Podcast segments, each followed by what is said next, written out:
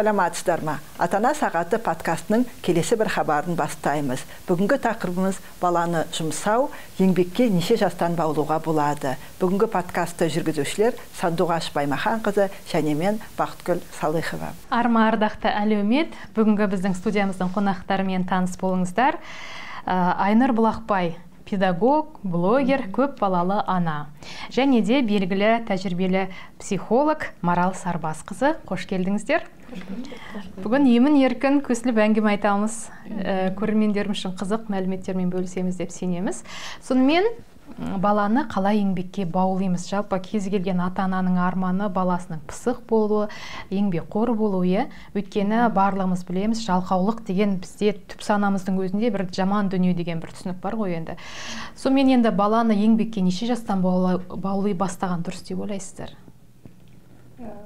Психологияға келсек баланы біз бір жарым екі жастан бастап дағдыландыра бастаймыз еңбекке. Еңбек дегеннің астары жауапкершілік. Біз баланы еңбекке баулу арқылы жауапкершілікке үйретеміз. Қарапайым дағдыларға үйретеміз. Навыки міне бірте бірте одан кейін бала барып еңбектене бастайды. Бір жарым екі жастағы баланы қандай еңбекке үйретуге болады деген сұрақ туындап отырған шығар сіздерде. Қолындағы алған ойыншығын қою сөреге апарып қою.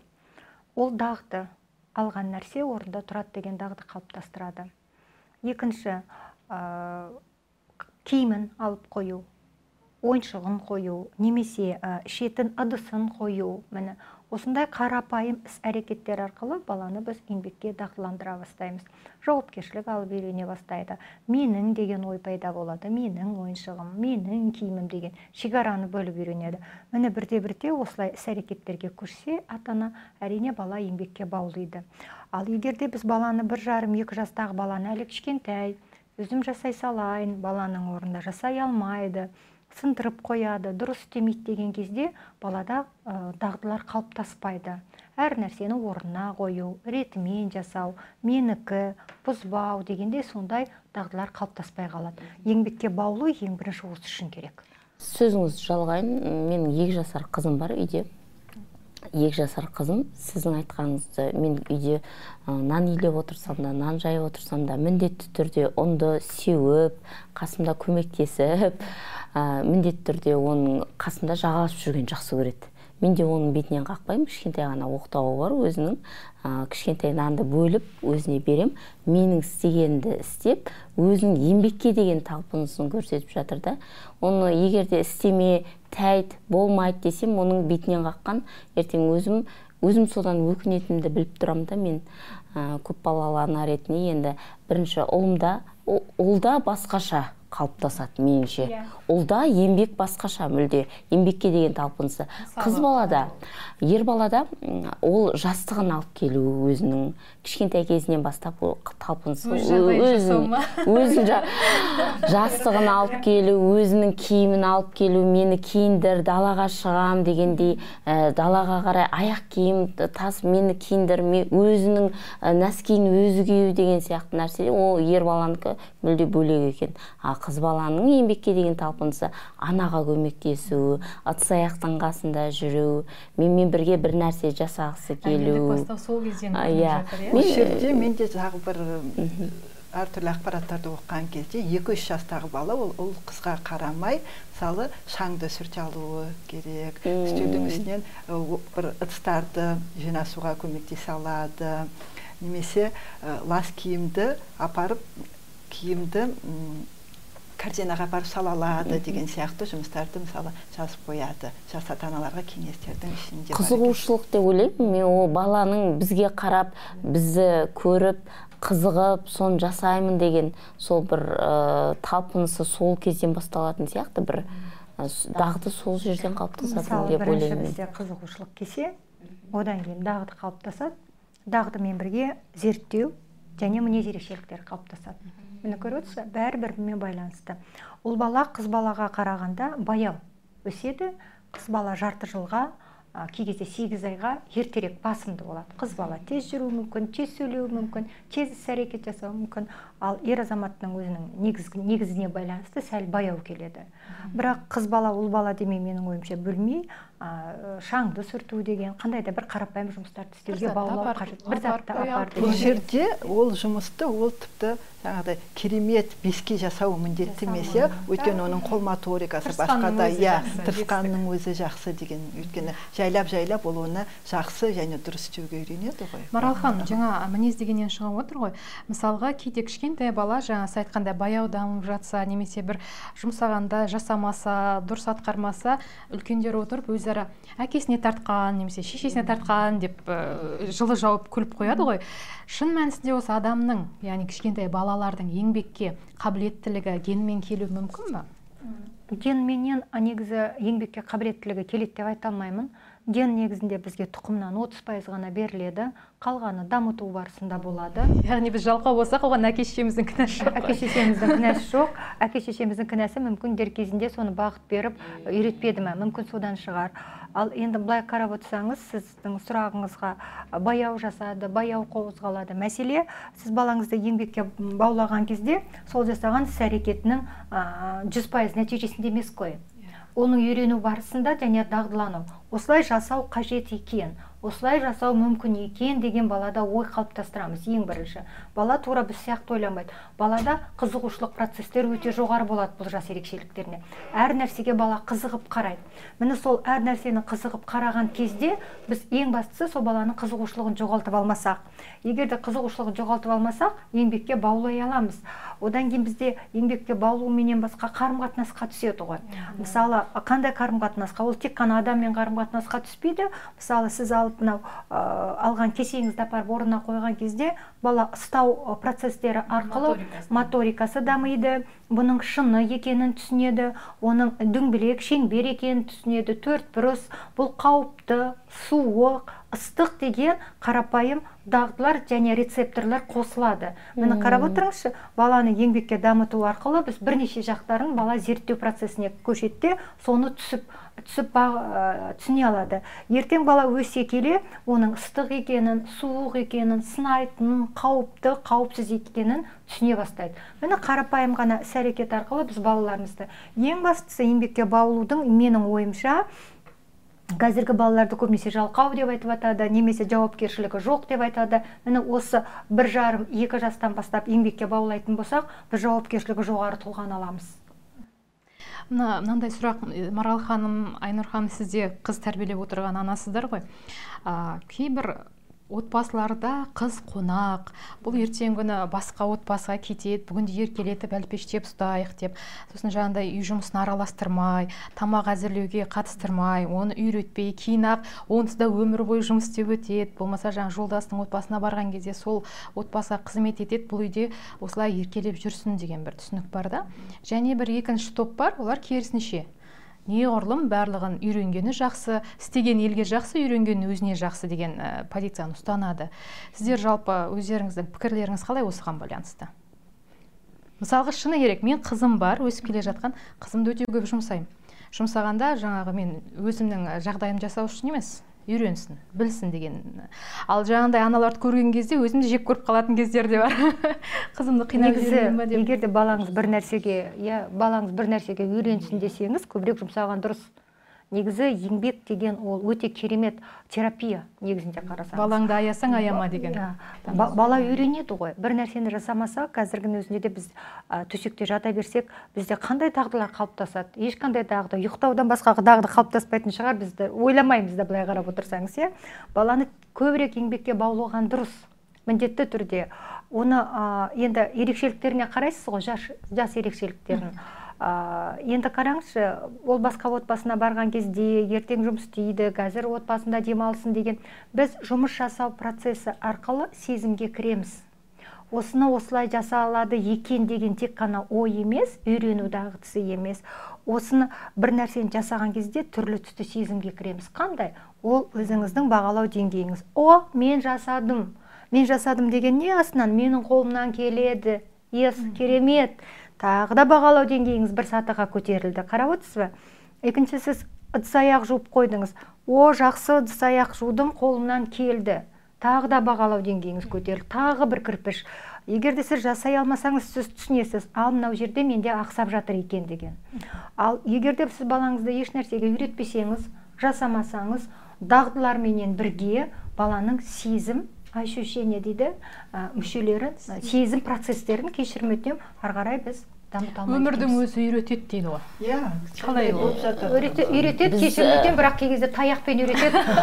Олай таяқ жемей ақ қойғанымыз дұрыс біз сияқты. енді тоқсаныншы жылдардың баласы болдық. Тоқсаныншы жылдарға тап келіп біздің балалық шағымыз бізге әке шешеміз э, белгілі бір дәрежеде осылай істе былай жаса деген жоқ. Тоқсаныншы жылдарға келіп кіргенде шешеміз э, айлаға алмай қалды әкеміз жұмыссыз қалды. Сол кезде ерікті түрде біз кәдімгідей олардың әке шешеміздің қасындағы олардың та- тамақ таба алмай отырған кезін көріп бізге біз де бірге манты түйіп саттық. Біз де бірге олардың ала дорбасына қарап отыратын деңгейде болдық. Сондай еңбекке біз ә, кәдімгідей тоқсаныншы жылдардың несімен араласып кеттік. Енді қазір өзіміз ата ана болдық. Қаланың ба- ә, ата анасы болдық баламыз қаланың баласы болып өсіп келе жатыр. Ә, көп деңгейде расымен мойындаймын. Бізде мынау ә, тек қана қоқыс төс, төс төгуге ғана жұмсайтын кезіміз болады. Ер баланы ер баланы сол сол деңгейде ғана көріп қалдық біз. Барып қоқыс төгіп кел сен ер баласың ғой. Барып нан алып кел сен далада жүруің керек сен ер баласың ғой деген сияқты. Кей кезде ол да проблема болып жатады. ол да мәселе туындап жатады. Анау кеше мен төктім ғой ке- сен бүгін сен төк папа кетіп бара жатыр ғой алып кете салсын да әкешім деген сияқты. Сондай деңгейде болып кеттік. Негізінде көбірек жұмсау көбірек еңбекке араластыру адамды адам еткен еңбек дейді.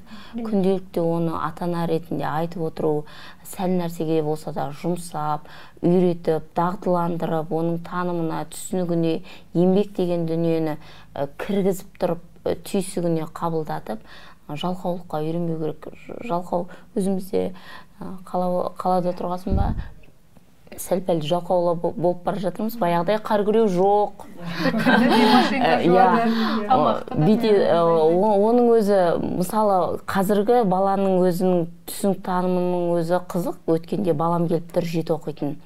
Анашым дейді қар тазалауға шақырып жатыр дейді.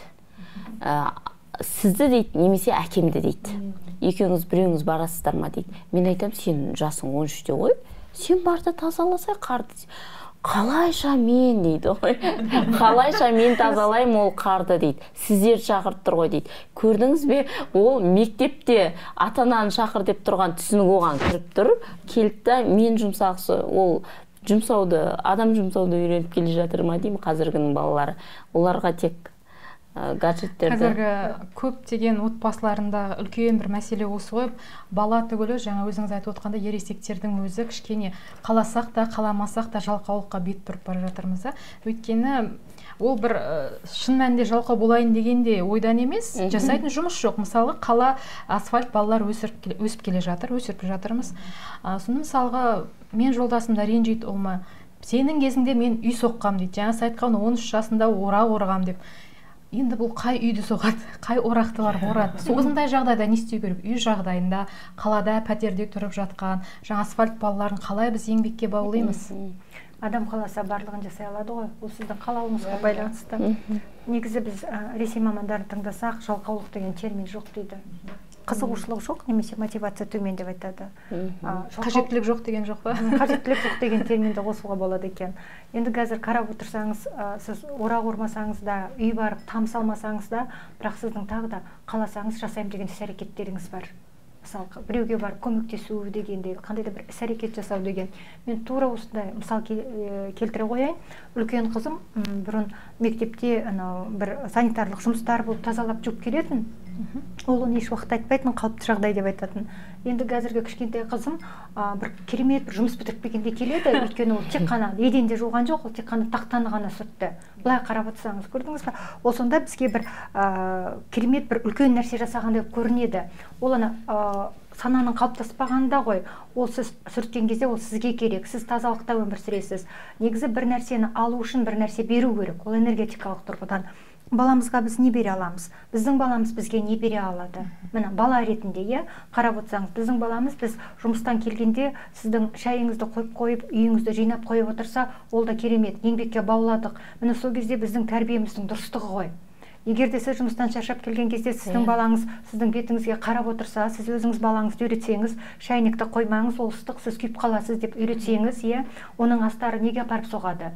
Міне еңбекке баулу деген ол үлкен бұның астында терең ой бар терең тамыр бар. Қазірден бастап иә. ата ананың еңбегі және баланы біз үйрету балаға ә, дағдыларды қалыптастыру. Дағды қалыптаспаса ертең өсе келе, келгенде ә, дұрыс емес маман дұрыс емес келін қазіргі біздің қоғамда шығып жатқан дұрыс емес деп мен мен тырнақшаның ішінде айтып жатырмын. Жауапсыз тұлға. Жауапсыз тұлға міне осының бәрі осыдан келеді. Бала кезден бастап дағдыландырған кезде адамда дағдылармен бірге түсінік қалыптасады.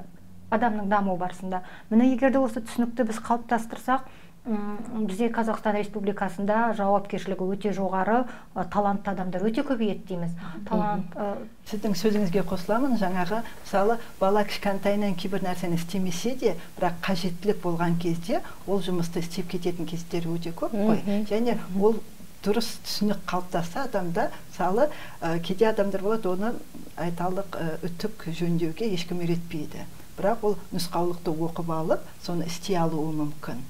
Ал менің інім солай болды. Ол қандай да техника болса да оның нұсқаулығын оқиды да оны жөндей береді. Мысалы оны ешкім үйреткен жоқ. Мынаны істе мынаны істе деген сияқты. Біздің балалар теледидарды жақсы жөндейді. Сотканы теледидарды. Өйткені оған қажеттілік туындап тұр ғой. Қажет иә. Мәжбүр болып тұр ғой. Ол пульті істемей қалса оны теледидарды көре алмай көре қалады алмай мысалы. қалады. Ал пол десеңіз қол ауырады. қол ауырады. Жалпы мен айтамын да мысалы үйде тамақ пісіріп үй жинап істемеген болады ғой қыз балалар бірақ өмірде кейін оны үйреніп алатын да кездері болатын ғой. Мысалы мен солай ойлаймын. Марал ханым. үйден міндетті емес деп ойлаймын да. Кейде ол баланы таңертеңнен кешке дейін үй жұмысына салып қою өйткені ол кішкентайынан зерігіп деген осыған байланысты жақында бір парақшада м, мынадай ә, қауесет шықты ма әлде? Бір белгілі бірде иә парақшада былай айтты. Министрлікте мынау мектеп тазалаушыларын алып тастағалы жатыр. Мектептің орнына оқушылар өздері жинап кету Иә, бұл керек неден шықты ғой? Жапонияда? Жапонияда жоқ екен. Иә, және балалар соған ата аналар ғой ең бірінші қарсылық көрсеткен. көрсетті ғой. Ана жерде бар мен қолдап едім бірақ қанша ата ана қарсы сөмкесі арқалап жүргені аздай. Өздері жеті сабақ оқиды. Иә. тамақ та ішпейді сөмкесіне қап қап кітапты алып барады алып біздің келеді салығымыздан Иә. соларға ақша төленіп мен отыр. айтам жасасын жалқау солар деп. о, баланы жалқау адамды еңбекке қабілетсіз баланы өзі дайындап жатыр ғой ата ана деймін ата аналардың дайын емес екенін көреміз. Ата аналардың өздерімен жұмыс істеу керек екенін көреміз. Ата аналардың өздерінің ой пікірлерінің өзгеру керек екенін көреміз. Қарап отырсаңыз. Ата ана ең бірінші үнемі айнаға қарайсыз ғой бетіңізді безендірген кезде. Сіз тек айнаға емес өз жан дүниеңізде жан дүниеңізге де үңіліңізші. Және сіз ата аналарға айтатын едім сіз айнаға қараған кезде өзіңіздің құндылық ішкі құндылықтарыңызды үңіліңізші. Сіздің ішкі құндылықтарыңыз қандай? Міне бала соған қарап ақ тура сондай іс әрекетіңіз береді сіз. Ә, әр адам өзінің істеген іс әрекетін немесе өзінің артын өзі жинап кету керек. Былай қарап отырсаңыз ә, менің де балам бар. Ә, мектепке барған кезде оның шаңдатқанын оның жүгірген менің балам ең бірінші мектепке барғанда мемлекет үшін оқымайды өз үшін оқиды. Біз соны түсінуіміз керек иә өзіне білім алу үшін ғана. Мектеп тек білім беру ошағы және тағы да қоғамдық бір қандай да бір қажеттілікті қалыптастыратын. Егер де мен ата ана ретінде менің балам мектепке барғанда оның артынан тағы да бір жинайтын адам болса мен масыл тұлға тәрбиелемеймін ба ертең? Ата ананың өзіне де менің ойымша үлкен рахмет айту керек. Осындай іс шараға барып жатқанына неліктен? Себебі біздің балаларымызды біздің ата аналар уақытымыз жетпей жатқаннан кейін мектеп қандай да бір дағдыларменен еңбекке баулып жатыр. Бұның ешбір ә, жамандығы жоқ деп ойлаймын. Тәрбиенің негізі неде? Тәрбиенің негізі баулуда ғой. Қандай да бір дағдыларды қалыптастыруда ой үшін қалыптастыруда. Ата аналар бір институты болса екен дейміз біз үнемі біздің ата аналарға қазіргі құндылықтардың өзгеріп жатқаны өте қарқынды өзгеріп жатыр. Біз бала түгір ата аналардың өзі кей кезде түсінбей қалып жатқан кездеріміз болып жатады. дұрыс пен бұрысын.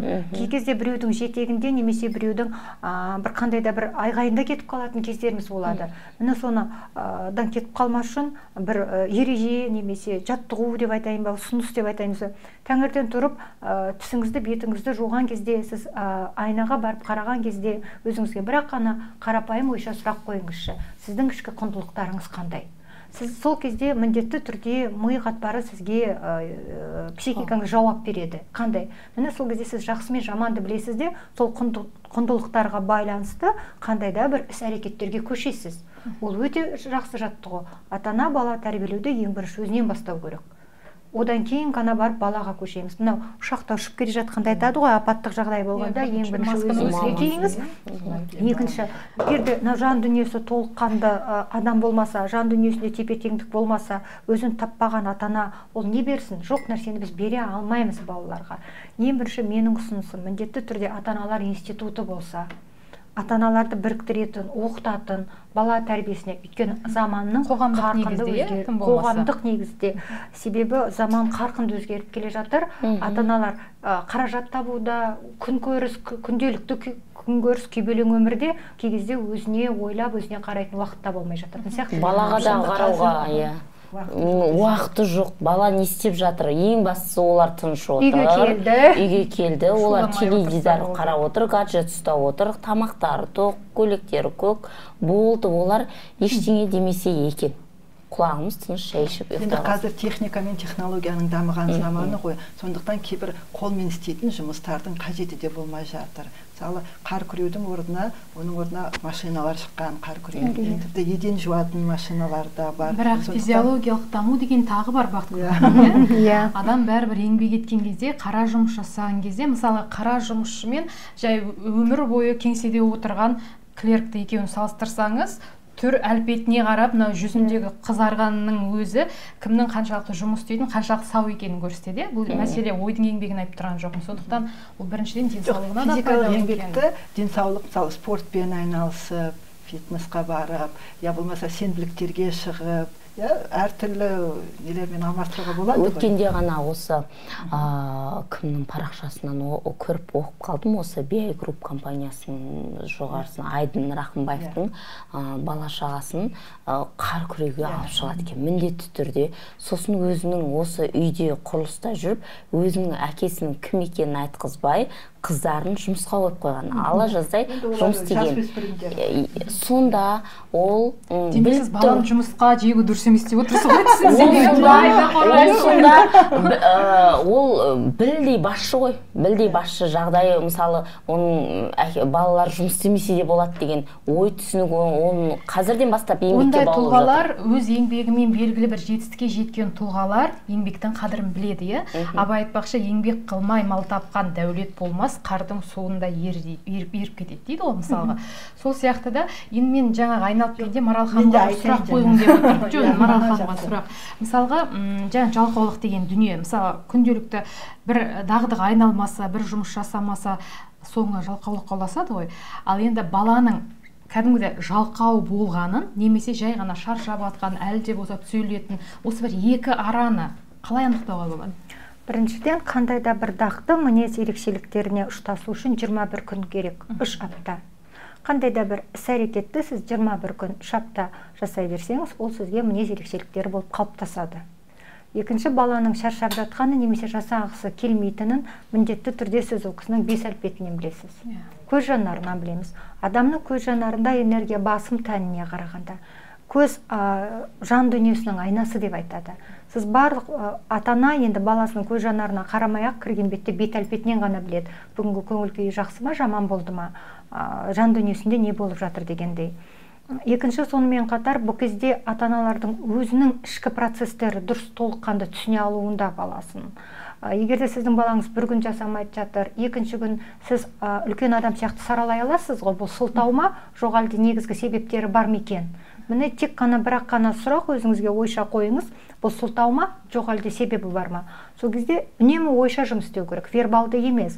Ойша жұмыс істеген кезде сіз шатаспайсыз міндетті түрде сізге түйсік айтады. Иә балаңыз ә, сылтау тауып жатыр немесе қандай да бір іс әрекет бірақ бала сылтау тапқан күннің өзінде де сіз өзіңізге екінші сұрақ қоясыз. Оның негізі неде? Неліктен? Біз себебін түсінуіміз керек. Себебін түсінген кезде ары қарай үшінші қадамға көше аламыз дұрыс көмектесу қадамдарын біле аламыз.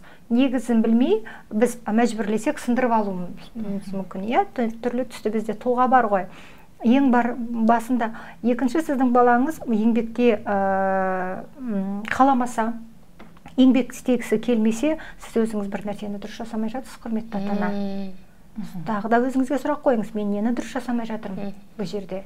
Қай жағын бұл жерде тағы бір нәрсені қоса кетейікші. Мен негізі еңбекке баулуға қарсы емеспін. Бірақ бұл жерде оның шектен шықпауы кейде болады баланың күшіне әрине. көп тапсырмалар беріп қою деген бар. Екінші жауапкершілігін дамыту балада.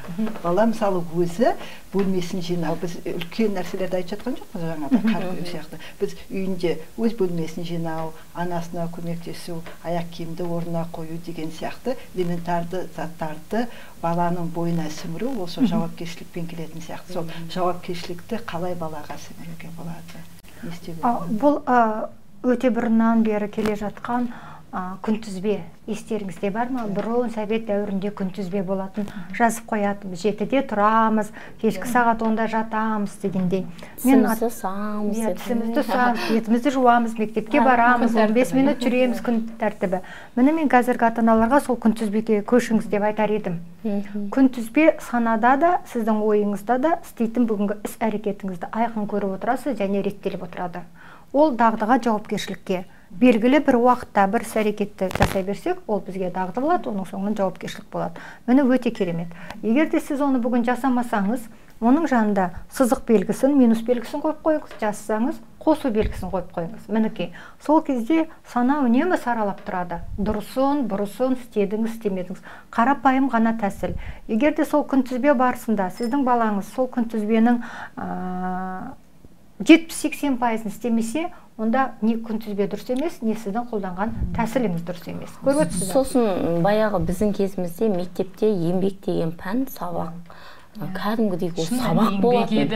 ол еңбек болатын. Ол біз оны кәдімгідей сөмпені тігіп оны сауатты жасап ананы бағалап дұрыс жасадық па? Онда культ болды культивировать етті менің ойымша сөзіңіз аузыңызда кешіріңіз жаңа бір ой келіп отыр жоғалтып алмайын деп тұрмын культивировать ету культ деген енді бір бір керемет бір неге ұштастыру керек бір ойға еңбектің ол қажеттілігін түсіндіру керек оның негізін түсіндіру керек. Ондай бір қандай да бір ерекше бір неге айналу керек сияқты. Мысалы менде де есімде стимул сияқты стимул мектепте біз еңбек сабағына жүгіретінбіз. Себебі бәріміз бірігіп тамақ істейміз. Бізге қызық болды. істейміз ана жақта ұлдар ағаш шауып жатады сосын қыздардың пісірген тәтті нандарын жеуге келеді деген сосын ол міндетті түрде екі сағат болатын. Бізге екі пән кәдімгідей қатарынан бірінші еңбек екінші еңбек.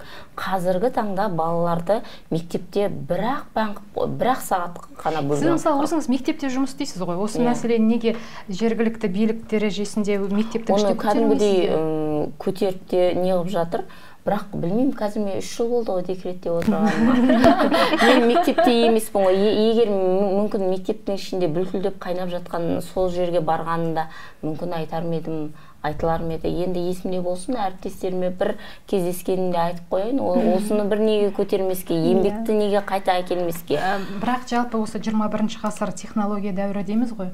Жаңа айтып өткендей енді мысалға біз жиырмасыншы ғасырдың ұрпағымыз сол кезде қара жұмыспен өстік жаңағыдай кетпен де шаптық егіске шығып шөп те жұлдық енді істемегеніміз жоқ. Тезек те иледік иә мал бақтық дегендей.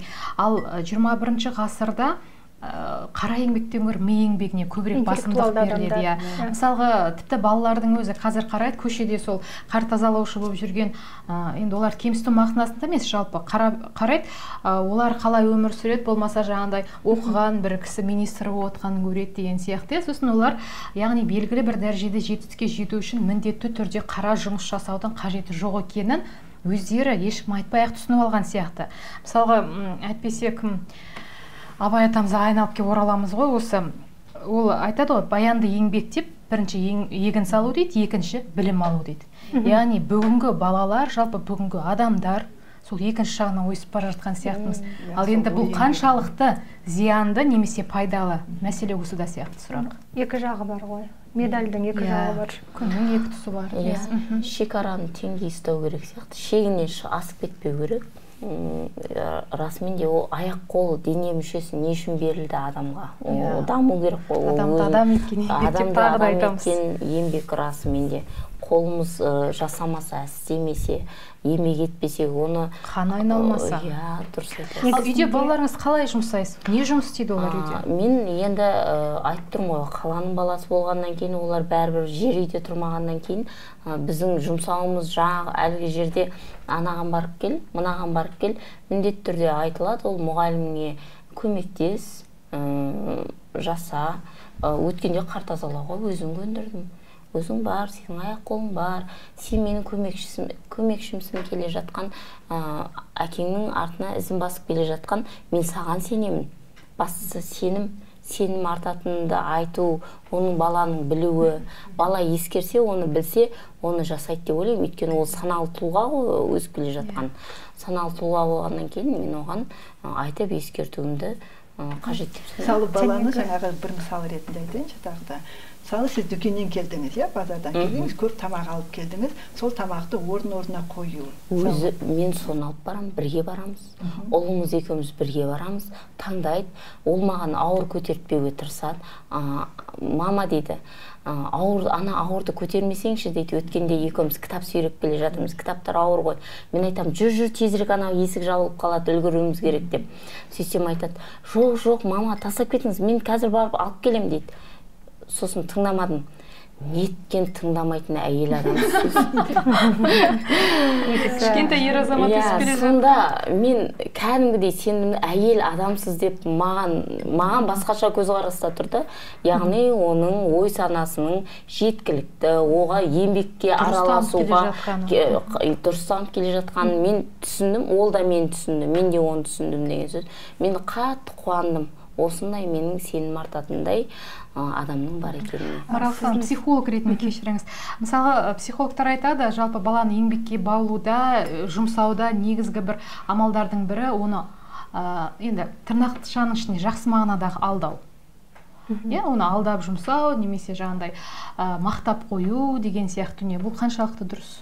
Мен сіздің бірінші сұрағыңызға жауап берейін. Одан кейін екінші сұрағыңызға жауап берсем бірінші сұрағыңыз интеллектуалды даму немесе физикалық іс әрекетке оның несі дұрыс несі бұрыс. Ең бірінші оның ә, минусы интеллектуалды дамудың ә, физикалық іс әрекетке көшпегеннен кейін адамның ойына үлкен ә, ауыр күш түседі. Күш түсу барысында ол қандай да бір психикалық ауыр іс әрекеттерге немесе ойға сезімге келіп туындауы мүмкін. Сондықтан күйзеліс сияқты. болуы артық керек емес ойлар келуі мүмкін. Немесе басқа бағытқа виртуалды әлемге кетіп қалуы мүмкін дегендей. Міне сондықтан осыған кетпес үшін бізге физикалық жағынан адамның жұмыс жасағаны дұрыс абзал.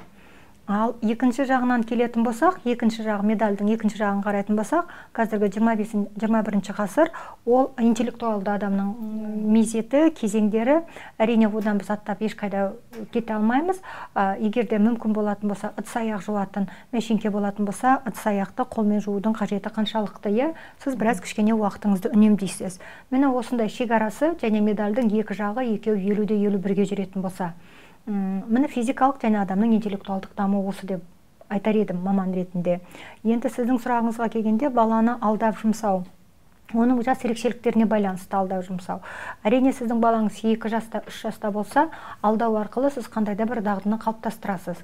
Егер де сіздің балаңыз төрт жарым немесе бес жаста ә, сөз түсінетін кезде болса іс әрекетке көшетін болса үнемі баланы алдаудың қажеті жоқ. Қарым қатынастың жеті тәсілі бар. Сол жеті тәсілін бірдей қолданып отыру керек. Мысалы бірде талап етіп отырсаңыз бірде сіз алдап отырсаңыз бірде компромисс келісімге барып отырсаңыз ә, кейде өтініш жасап отырсаңыз міне осы жеті тәсіл бала тәрбиесінде тек қана бір ақ тәсілді қолдану мүмкін емес. Оның жас ерекшеліктеріне байланысты күнделікті бір күн мысалы сіз балаңызбен 16 сағат біргесіз ба сол 16 сағаттың ішінде сол жеті тәсілді сіз айналдырып әкелгенде 21 рет қолданасыз. Кем дегенде? Кем дегенде тек қана бір тәсілменен ол жүрмейді. Өйткені сол кездегі баланың көңіл күйі басқа болады ойы басқа болады сезімі қалауы басқа болады. Міне сол кезде бір кәдімгі не сияқты? Пластилин сияқты ғой бала.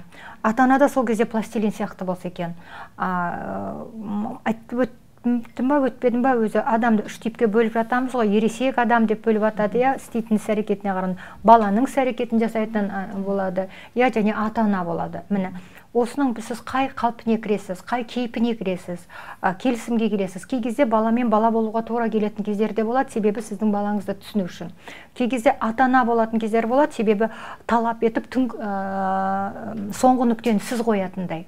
Кей кезде үлкен адам ретінде ересек адам ретінде балаңызды түсіне алатындай қалыпқа кіреді. Бұның бір қатып қалған қағидасы немесе қатып қалған бір қандай да тәсілі жоқ бала тәрбиесінде. Бұл жерде кәдімгідей тек қана сіздің балаңыз пластилин емес сіз өзіңіз де пластилин. Өзіңіз балаңызды зерттеу арқылы сіз өзіңіз өзгеріске ұшырап отырасыз. Міне соны құрметті ата ана түсінсе әрине бала даму барысында өте жақсы болады және ата ана мен баланың арасында қарым қатынас тандем дейді. Бірін бірі түсінушілік болады. Бірақ бір нәрсені ескерсек қателесетін адам болады. Қателесетін бала болады. Бала тура сіздің робот емес отыр десеңіз отырып тұр десіп тұрып жат десеңіз жататын. Ол баланың өзінің мінезі, бар, өзінің сезімі бар өзінің қалауы бар. Сол кезде сіз сындырып алмай жай ғана арнаға салып тұрсаңыз. Бірақ өкінішке орай кей кезде мен жиі кездестіретін мектеп ә, ә, балабақшаға барғанда кездестіретін менің балам қаламады. Мысалы киімді кигісі келмеді балабақшада кимей ақ қойсын. Жақсы сол тәп сәтте кимей ақ қойсын. Бірақ сіз соңын ойлаңыз. Сол бала киімді кимей ақ қойды. Сіз солай кеткен кезде баланың ойында сезімінде қандай ой қалыптасты? Жасауға болмайды. Жасағым келмесе мен жасамай ақ қоямын бірақ ол үшін мен ешқандай жауапкершілік алмаймын. Міне ол бірте бірте екінші рет қайталанса үшінші рет қайталанатын болса ол қалыпқа кіреді қалыпқа кірген соң бала өсу барысында ертең сіздің өміріңізде қиындық туындауы мүмкін. Сондықтан қатып қалған қағида жоқ құрметті ата аналар айтып отырғаным кәдімгідей түрлі түсті тәсілдер өзіңіз өзгеріске кіріп отырсаңыз сізбен бірге сіздің балаңыз да дамып отырады. Тағы бір нәрсені қосайыншы осы жерде. Баланың еңбекке еңбегі үшін ақы беру. Кейде ата аналар айтуы мүмкін. Сен мынаны істесең мен саған сыйлық беремін. Түсіндім сен мынаны істесең иә. ақша беремін деген сияқты. Осындай нәрсеге қалай ол ситуацияға байланысты кей кезде оны сатып алу деп те иә. қабылдаймыз. Кей кезде дұрыс өлшемеуіміз мүмкін дұрыс істемеуіміз. Бірақ ол не бересіз? Менде де келісім болады. Кішкене қызым өте мінезі қиқар. Сондықтан оның мінезін сындырмас үшін біз келісім сабақ оқығанды жақсы көрмейді қаламайды. Ә, бірақ сурет салғанды өте жақсы көреді суретті керемет салады. Міне сол кезде біз келісеміз. Егер де сен қазір осы сабағыңды дұрыс оқып қазір маған айтып берсең одан кейін мен саған сурет салу барысында мынау кисточкаларың бар тағысын тағысын алып беремін. Бұл жерде ақша жүрмеу керек. Көріп отырсыз ба? Ә, кәдімгі бартер сияқты ғой бұл жерде. сосын кейін оны әдетке дағдыға айналдырып алмай ма? Ә, егер де ол кедергі бермейтін дағды болатын болса мысалы сурет салу жоқ мысалы ертең сіздің үйден кетеді өзі өмірлік басқа бір ә, тұлға болып өзінің өмірін жалғастырады сол кезде мысалға ә, бір кісі келіп маған осыны жасап берші десе ендеше маған мынаны алып бер деген сияқты бір ә, сондай дүниеге алып келмей ма дегенім ғой ол автоматты түрде ол он алты жастан асқаннан кейін ондай қарым қатынас жасаудың қажеті жоқ керемет сұрақ. Бала ондай іс әрекетке көшпейді. Адам өте ақылды. Адам туғаннан табиғатынан өте ақылды.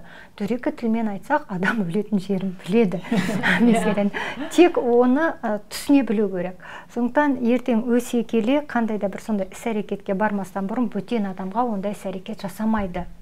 Ол қарым қатынастың байланысты. Отбасылық қарым қатынас ұжымдықта взаимоотношения дейді. Қоғамменен қарым қатынас бар әріптестермен қарым қатынас ол сол ситуация жағдайға байланысты. Әрине құрметті ата аналар қорықпаңыз балаңыздың ешқандай бір иә. ауытқуы болмаса бәрі дұрыс болса ол ондай іс әрекетке барады бармайды. Бірақ бұндай келісімге келгенде арада еш уақытта ақша тұрмау керек. Мен енді бір қоса кетер, кететін мен мен көпбалалы анамын күйеуіміз екеумізбен бірге әжеміз де бар біздің үйде. Әже яғни ә, салт дәстүрдің сабақтастығы үзіліп қалмау керек. Yeah. Иә. біздің ә, өзіміздің қазақ екеніміздің қазақ, қазаққа сай менталитетіміздің бар өзіміздің ұлттық танымымыз бар ұлттық құндылықтарымыз бар. Соны белгілі бір деңгейде оны қажеттіліктерді сіңіріп отыру керек деген сияқты. Ертегі ертегі болғанның өзінде ішінде еңбекке баулитыны бар. Қисса мысалы біздің үйде міндетті түрде балаларға қисса оқылады. Оны қиссаны ә, не өзім оқимын немесе өзім кәдімгідей үлгі ретінде өзім оқып отырамын кітапты ол да келіп кітап оқиды. Және де біздің үйде жарты сағат қисса уақыты деген бар. Күнделікті. Жарты сағат мен айтам, егер де осы қиссаны оқысаң жылдамдыққа оқысаң ә, кітап оқысаң қазір сен гаджетыңды аласың. Сабағыңды оқысаң әрі қарай міндетті түрде қисса уақытын бөл өзіңе. Күнделікті. Ол да бір еңбекке баулудың бірден бір үлгісі десем болады. Келісім. Керемет істеліп жатыр кешіріңіз иә келісім. Ол ертең өскен кезде өмірде де үйренеді ғой солай келісіп. Мысалы ол ертең мына отбасында не көрді? Ертең үлкен тұлға болып шыққан кезде қандай да бір өзінің қажеттілігін қанағаттандыру үшін ол келіседі. Мен сізге мынандай жасап берейін оның ешбір жаманы жоқ ал сіз осылай деп сонда ол бала өзінікін де жібермейді басқанікін де алмайды. ақша да Әрине. ол жерде ақша тұрған жоқ. Мен оған ақша беріп тұрған жоқпын. Мысалға мен шыны керек осы жуырда ғана бір дүниені естіп біліп таныстым. Оған дейін оны білмеген екенмін. Және ол маған кәдімгідей бір жаңалық болды. Көзімді ашты деуге болады. Мысалға әдетте мен басқаны айтпай ақ қояйын. Баламды жұмсағанда айтуым мүмкін. Алдымен мынау кесені ас үйге бар оны жу одан кейін су алып кел сөйт те мынау нені жаңағы қоқысты далаға төгіп кел деп. Енді мен үшін ол оңай осылай төртеуін бірден бір қарап тұрғанда төрт тапсырманы бірден кешіріңіз мен істемесем. Жоқ мысалға иә. Мен білген жоқпын. Сонда жаңағы балам ойбай мынаны жуам қоям су әкелем деп маған мен айтамын енді оп оңай ғой жаңа жер қаз деп отқан жоқпын. Апарасың қоясың жуа саласың су әкеле саласың иша саласың деп мен, мен өз түсіммен ойладым сөйтсем баланы олай бірден бірнеше тапсырма беріп жұмсауға болмайды екен. Оған жаңағы рет ретімен балам бірінші айтасың. Балам мына кесені ас үйге апарып қой ол келеді. Ай жақсы жа, бәрекелді жарайсың. Енді маған су әкеліп берші сосын су әкеліп бере салады. Ой бәрекелді рахмет осы сен болмасаң. Енді мына қоқыс төге қойшы болды сосын. Ол ә, жаңағы мен айтқан төрт тапсырманы бағанағыдай қиналмай жыламай өзін бір ә, езілуші тап сезінбей. Ол кәдімгі ойнап жүріп а жарайды апара салады жарайды әкеле салады деп ойнап жасайды екен де мен үшін бұл үлкен жаңалық болды шыны керек. Мәселе сіз қалай айттыңыз? Мәселе баланың төрт тапсырма немесе он тапсырма істегенде емес. Мәселе біз оны қалай айтамыз? Дауысымыздың тонына иә, байланысты. Апарып қой. Әкел мен содан кейін айттым жасам бұйрық одан кейін қоқысты шығар. А бұйрыққа барлық адамның іштен қарсылық пайда болады қарсылық күші. Ол жасағысы кеп тұрса да жоқ деп айтуы мүмкін. Мен балама бұйрық раймен сөйлемеймін. Мысалы мысалы мен балам айтады мама соның бәрін бірден неге айта салмадыңыз дейді. Бірден істей салатын едім ғой дейді неге сіздер сондай сұраныс. А, сұраған кезде мен мүмкін қателесемін. Кінәлі сезінесіздер ондайды көріп отырсыз сіздер өздеріңіз баламды көп жұмсап қойдым ба деп. Мысалы мен де енді басқаша мен ойлап отырмын. Мен айтар едім балам қоқысты шығарып ыдыс аяқты жуып орнына қой. Интонация. Мен бұл жерде менің даусымнан ешқандай өзімді бір кінәлі баламды жұмысқа жіберіп жатырмын деп маған қалыпты жағдай болып шығады. Сол кезде мүмкін менің баламда қалыпты болып естілетін шығар. Біз ата аналар өзіміздің көзқарасымыз көп жіп жұмсап қойдық па жұмсартып айттық па талап берді ма дәл мысалы мен ә, жаңа материалмен танысқан кезде ол ә, жаңа бұйыру немесе оны жұмсау деген мағына емес жалпы баланың өзінің психологиясы сондай көп тапсырманы қабылдағаннан гөрі әр тапсырманы жеке жеке қабылдаған жеңіл деген мағынада ә, дүние бар да бұл жерде. Содан кейін мен оны өз балама тәжірибе жасап көрдім. Эксперимент. Иә. Сөйтіп шын мәнісінде бірнеше тапсырманы ол ешқандай қиналмай сол жүрген барған күйі орындап қоя қойды сіздің Иә, балаңыздың темпераменті флегматик шығар. Бірте бірте ал егер де сол баланың орнында холерик болса мен апарам әкелем жүрем. неге сен бірден айтпайсың? Иә. мен неге анда барып бұнда барып жүруім керек? Көрдіңіз бе? Ол әрбір адамның ерекшелігі ғой ана темпераментіне байланысты. Мына кісінің баласы жақта бірден неге айтпайсың неге жұмсайсың деген. Міне ол ерекшелікке байланысты. Және бағанадан бері баланың ерекшелігін ескерейікші деп отырғанымыз осы ғой. Біздің қандай да бір істеген іс әрекетіміз нәтиже болу керек. Эмоцияға емес нәтиже. Ата аналар біз деп отырғам егер нәтиже болса біз бағанадан бері көп еңбек баланың еңбек етуі еңбекке баулуды көп айттық та. Енді бала сіздің айтқаныңызды істеді. Бір нәрсені оған енді мақтау да айту керек қой. Міндетті түрде. Иә. Қолдау керек оған бала түгілі ересек адамның өзі иә. сондай бір қолдауды күтіп тұрады. Ал бала тіптен сондықтан әр кез оны мақтап қолпаштап кішкене тіптен асырып жібермесе де әйтеуір бір соның жасаған дүниесі шын мәнісінде сіз үшін маңызды екенін иә әсіресе кішкентайынан сол рахметті айту маңызды сияқты. Сол қарап отырсам сол мақтауға сараң сияқтымыз әлде де. Иә жалпы біз өзіміз сондай ұлтпыз ба иә көп сондай мақтай бір береміз. мақтау мақтағанды өзара ұнатпайтын бетке айтқымыз келмей қалады оның жақсы екенін білдіргіміз келмей қалады сондай бір Иә. сол жағынан өзімнің қателіктерімді мойындаймын мына мақтаудың астары бағанағы айтқандай бағалау деңгейін көтереді адамның. Біз баламызды мақтаған кезде егер де дұрыс мақтасақ дер кезінде негізі болса ол жай ғана мақтау емес үстіртін емес оның негізі бар мақтау болатын болса балада мынандай ой қалыптасады. А менің қолымнан келеді екен ғой мен жасай алады екенмін ғой деген сенімділігі артады. Көріп отырсыз ба? Кірпіші қаланды иә. кірпіші қаланды фундаменті. Және ол ертең де ең басты ертең де солай біреуге алғысты еркін жүрекпен риясыз айтатын тұлғаға айналады бағалай алады басқа біреудің еңбегін себебі өзі еңбектену арқылы біз басқа адамның іс әрекетінің сезімін түсіне аламыз. Біз ешбір адамның қалпына кіре алмаймыз. Бірақ өзіміз сол этаптан жолдан өткен кезде басқа біреуді түсінуге тырысамыз. Міне көрдіңіз ба қалай қаншалықты терең негізі жатыр. Жаңағы мен баламды жұмсаған кезде жасаған кезде енді рахмет деп айтатын болып тұрмын. Бірақ кейде болады көңіл күйге байланысты. Басқа әлемде отырасың кейде теледидар кейде телефонда болмаса басқа бір әрекетпен ә, бос емес кезде жаңа айтқаныңды істейді де. Сосын менің балам келеді үндемей қойсам иә мама жақсы рахмет сізге деп қояды. Яғни рахмет айтпағанымды білдіріп отыр сосын а иә иә рахмет саған деп күліп отырамын да. Сонда қарасаң олар бәрібір күтеді іштей. Менің екінші ұлым а рахмет қайда? деп сұрап алады айтпасаң сұрап түшкіремін сау болыңыз дейді да. А, жақсы деймін ғой. А рахмет қайда? дейді. Соның өзін әрбір ненің өзін олар кәдімгідей бағамдап қарап м, електен өткізіп отыратын болып тұр ғой сонда. Балалар өте керемет психологтар деп айтып жатады. Олар бәрін бақылап отырады. Біз баламызды үйреткен кезде кей кезде үйретіп жатқанда не айтып жатқанымызға да мән бермейміз автоматты түрде Иә. кететін.